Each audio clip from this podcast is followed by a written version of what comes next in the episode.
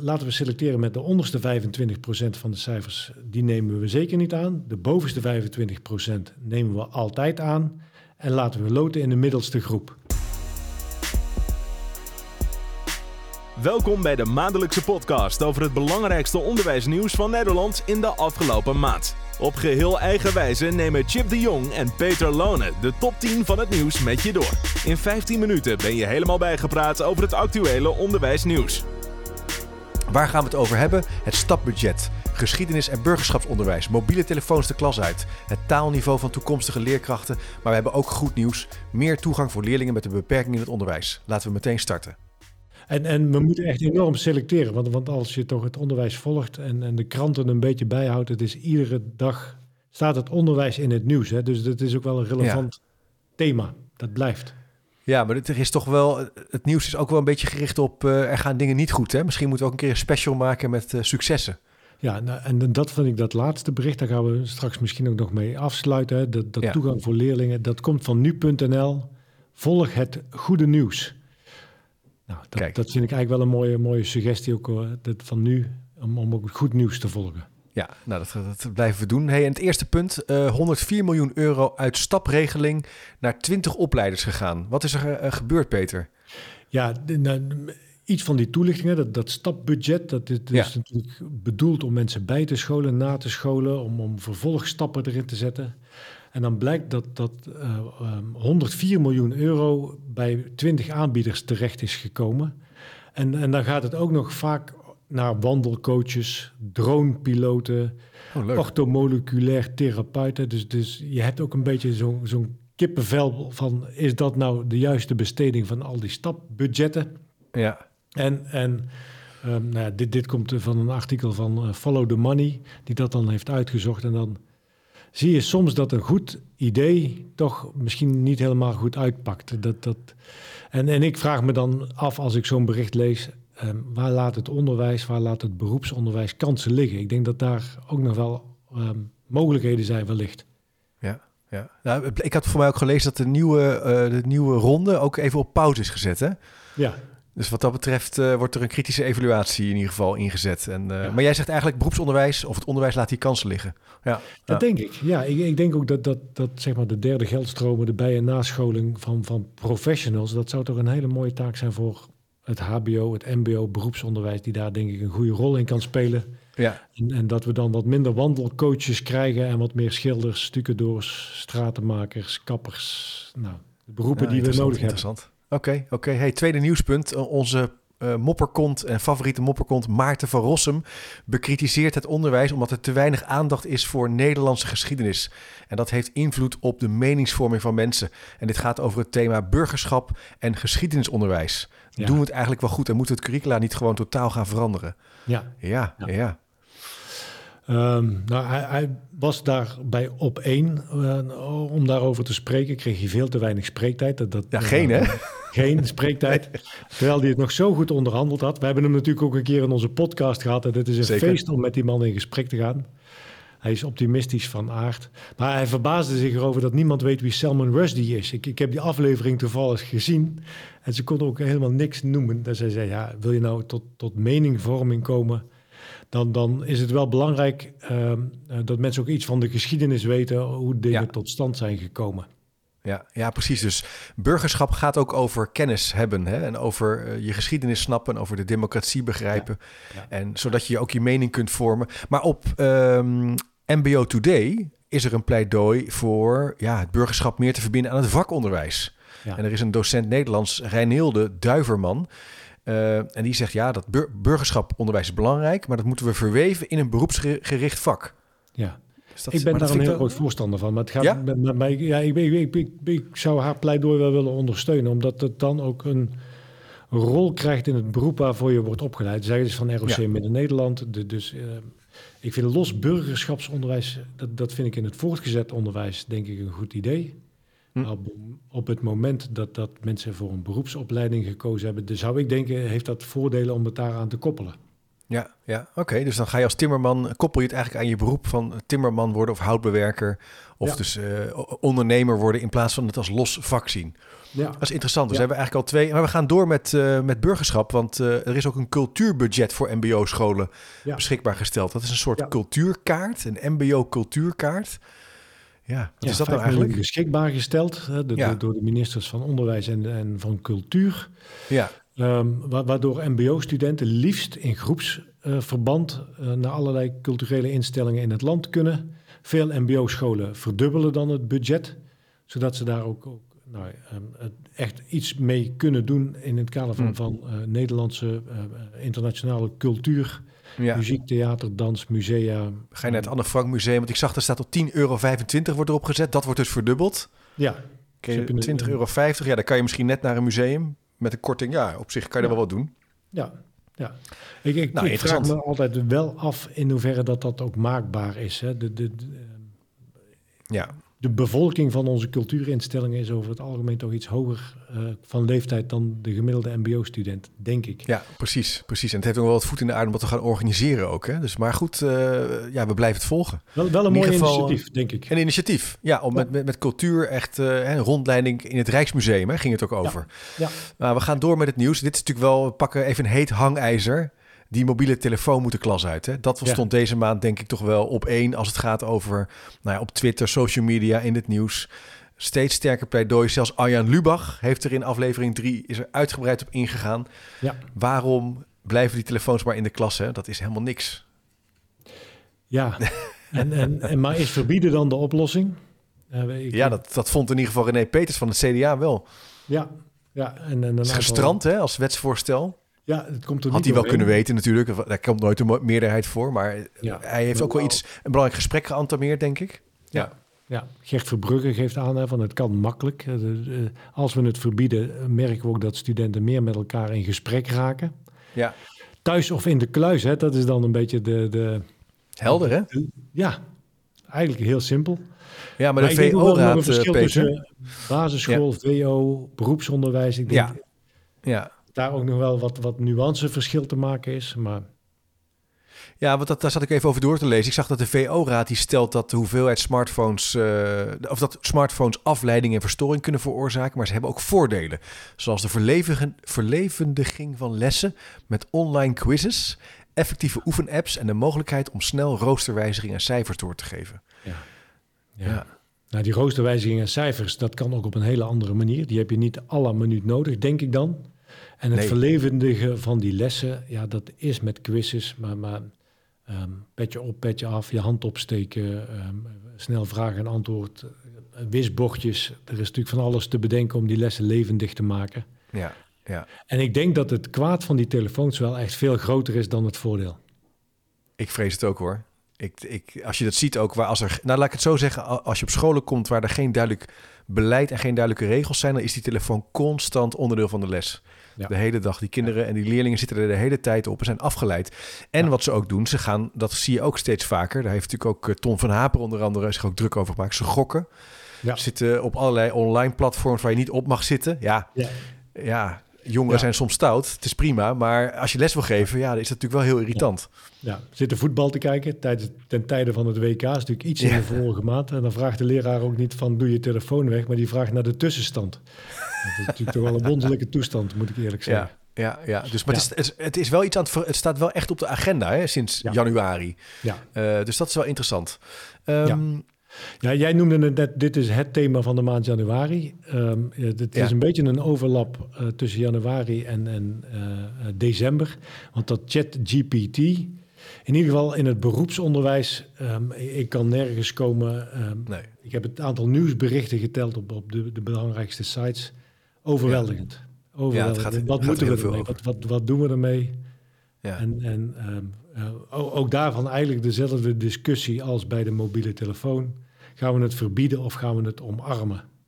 ja, ja. Ja, Met ik ben benieuwd. im- impuls van 10 miljard door Microsoft in dit systeem, eh, artificial intelligence, eh, denk ik niet dat dat verbieden een goede op, ja, of een haalbare oplossing is. Ik denk dat we, we gaan dat, die strijd verliezen. Dit soort eh, instrumenten Mhm. komen in het onderwijs en, en, en moeten vooral slim gebruikt worden, denk ik. Ja. Nou, je kan natuurlijk, het is natuurlijk, de consequenties zijn enorm. Hè? Je kan een samenvatting laten maken van een boek. Je kan je tekst op fouten laten corrigeren. Uh, het, het, is echt ongelooflijk. En dat, dat is natuurlijk voor een, een, onderwijsinstelling heeft het enorme consequenties. Ook voor procedures. Hè? Bijvoorbeeld de examencommissie. Denk daar maar eens aan. Toetsen die je geeft. Uh, formatief handelen. Formatief toetsen en reflectieverslagen. Ja, leuk bedacht. Maar als het automatisch via een app kan. Ja, ja ik, ik heb lesverslagen gezien. Uh, observaties, reflecties op lessen die, die niet gegeven zijn, maar die er op oppervlakkige lezing perfect uitzien. Ja de, de, het produceert natuurlijk tekst en geen waarheid. Hè? Dus, dus als je ook de dialoog aangaat met je studenten over wat is de inhoudelijke informatie, ja. dan prik je er denk ik vrij snel doorheen en, en nodigt het ook uit om met studenten in gesprek te gaan. En daar zitten natuurlijk ook hele positieve kanten aan. Ja, ja. Ja, ja in ieder geval wat we zeker weten, dat, dat het in het aankomend jaar actueel zal blijven. Dat we het er vaak over gaan hebben. Ja, dat nee, maar hoe zit het nou met die, uh, die blonde meisje met een paardenstaart en een waterflesje? Ja. Was dat voor een gek nieuwsbericht? er was een bericht uh, uit het NRC en dat gaat over de, de selectie uh, van studenten. We moeten oh, ja. nu selecteren door motivatiebrieven, door bijscholing, door hoge cijfers of is loten het meest eerlijke? En in de geneeskundeopleidingen, prachtige quote, uh, de mensen die het halen, als we deze selectie toe blijven passen, wat we zien is uh, blonde meisjes met een paardenstaart en een flesje water op tafel. En, en het kan toch niet zo zijn dat dat de enige studenten zijn die we in de opleiding geneeskunde willen hebben. Ja, ja. Dus een, een warm pleidooi om toch te gaan loten en ja. niet te gaan selecteren. Ja, of in ieder geval eerlijker te kijken naar dat selectieproces. Want op deze manier komen de, de, ja, wat het doet een beetje denken aan dus uh, ja, toch de, de blanke hoogopgeleide ouders die hun weg weten vinden naar de bijlesindustrie, ja. bijplussen. Maar ja, ja.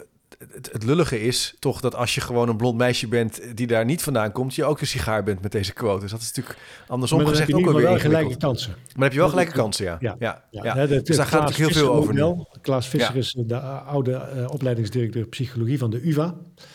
En die zei van nou, de onderste, de, de, laten we selecteren met de onderste 25% van de cijfers, die nemen we zeker niet aan. De bovenste 25% nemen we altijd aan.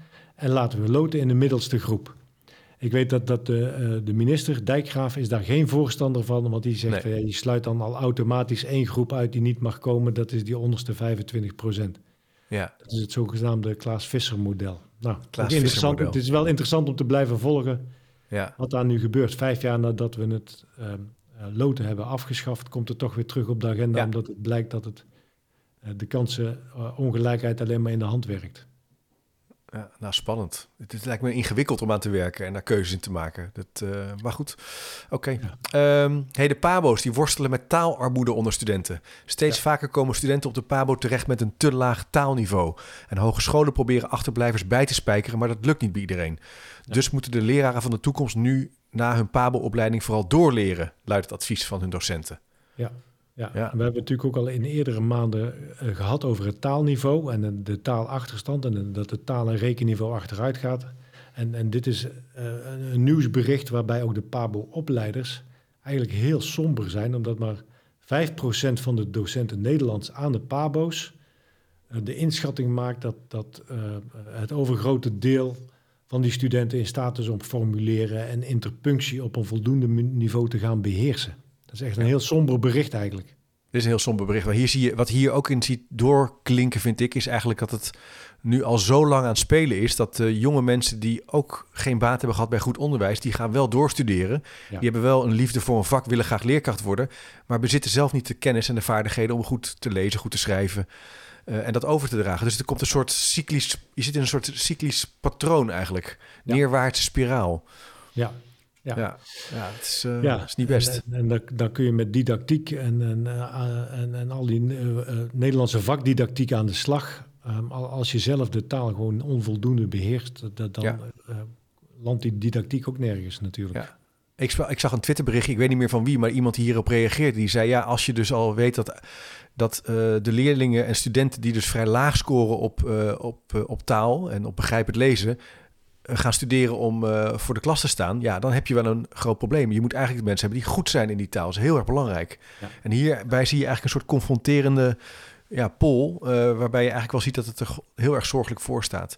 Ja, het is in dat opzicht gaan we niet echt positief door, want uh, het volgende nieuws-item gaat over het feit dat klassiek onderwijs met een vaste leraar voor de klas gaat verdwijnen. In ieder geval in Amsterdam, maar misschien ook wel op andere plekken. En we gaan steeds meer onbevoegde mensen voor de klas krijgen. Stond in het parool, hè, Peter? Ja, ja. Oh, ook zorgelijk nieuws. Hè. De, de, de, nou goed, het personeelstekort en het lerarentekort is natuurlijk ook al lang bekend. Uh, blijkt ook dat, dat uh, alle maatregelen die genomen zijn om, om meer mensen voor de klas te krijgen, zijn eigenlijk mislukt. Dus er komt een nieuw maatregelenpakket wat, wat langer doorgaat. En, en een van de maatregelen is um, om meer docenten van andere bevoegdheden dan maar voor de klas te zetten onder coördinatie van een welbevoegde docent. Dus een artiest of een, een uh, accountant, of uh, dat die les gaan geven. Ja. Onder, onder coördinatie van een bevoegde docent. Ja, ik moet er een beetje om lachen. Ja, sorry, maar ik moet namelijk denken aan het Twitterberichtje van Thijs Rovers. En die schreef het volgende. Bracht mijn auto naar de garage voor een grote beurt. En ik kon kiezen uit een kunstenaar, accountant of muzikus als monteur. En het werd gecoördineerd door een BOVA-garagehouder. Dom denken, hashtag. En wat deed jij vandaag onder coördinatie van? Ja. Zo van, ja, weet je, hoe ga je dit doen? En wat zegt het over de kwaliteit? Krijg je een soort teambevoegdheid. En dus één ja. bevoegde leraar en de rest die, ja, die, nou, ik wil niet zeggen doet maar wat, maar ja, is die dan ook bevoegd? Ja. En dus ook in staat om les te geven? Ja, ja, ja. Nou ja, Hele, ja, het is een voorstel van de Vereniging van Amsterdamse Schoolbesturen in het primair ja. onderwijs. En, ja, en ik wel over dat die mensen met hun handen in het haar zitten. Ja, Ze nee, precies. iets bedenken. Ja, nee, maar dat, kijk, dat is altijd, het risico is altijd dat je denkt dat het allemaal mensen zijn die dom zijn. Dat geloof ik niet. Iedereen is heel hard aan het nadenken. Ja. En probeert oplossingen te vinden. En dit is in ieder geval een nieuwsitem waar, ja, wat echt wel uh, genoemd moet worden. Hè? Want dat, dat zegt ook iets over klassiek onderwijs in de zin van een groep waar een vaste leerkracht is, die in ieder geval drie, vier of samen met een duo maatje les geeft. Dat ja. gaat dus verdwijnen. Ja. Ja. En, en, ze gaan proberen uh, het aantal scholen wat, wat onder de opheffingsnorm zit ook weer terug te brengen. Dus, dus het, het aantal scholen in Amsterdam gaat verminderen. Dus als dat in, in, in nou, grote steden al gaat gebeuren op het platteland is dat natuurlijk een ontwikkeling die we al heel lang zien, dat, dat er scholen gesloten gaan worden, maar nu dus ook in de grote steden. Er zijn te veel kleine scholen hè, in de steden. Ja, ja. ja. Dus, uh, Oké. Hey, maar er is ook wel wat positiever nieuws. Hè? Uh, speciale klassen voor kinderen met een beperking. Stichting Het Gehandicapte Kind is opgericht om kinderen met lichamelijke beperking of ontwikkelstoornis toegang te geven tot onderwijs. En zij hebben dus voor elkaar gekregen dat er ja, speciale klassen zijn waar deze kinderen ook naar school kunnen. Want dat is toch ja. een groot probleem. Veel van deze kinderen, jongeren, worden uiteindelijk vrijgesteld van onderwijs. Hè? Ja, zitten, zitten lang thuis, lopen leerachterstanden op. Uh, ja. Um, en, en door, door deze stichting die de handen ineens slaat met en het reguliere onderwijs en met het speciaal onderwijs, mm -hmm.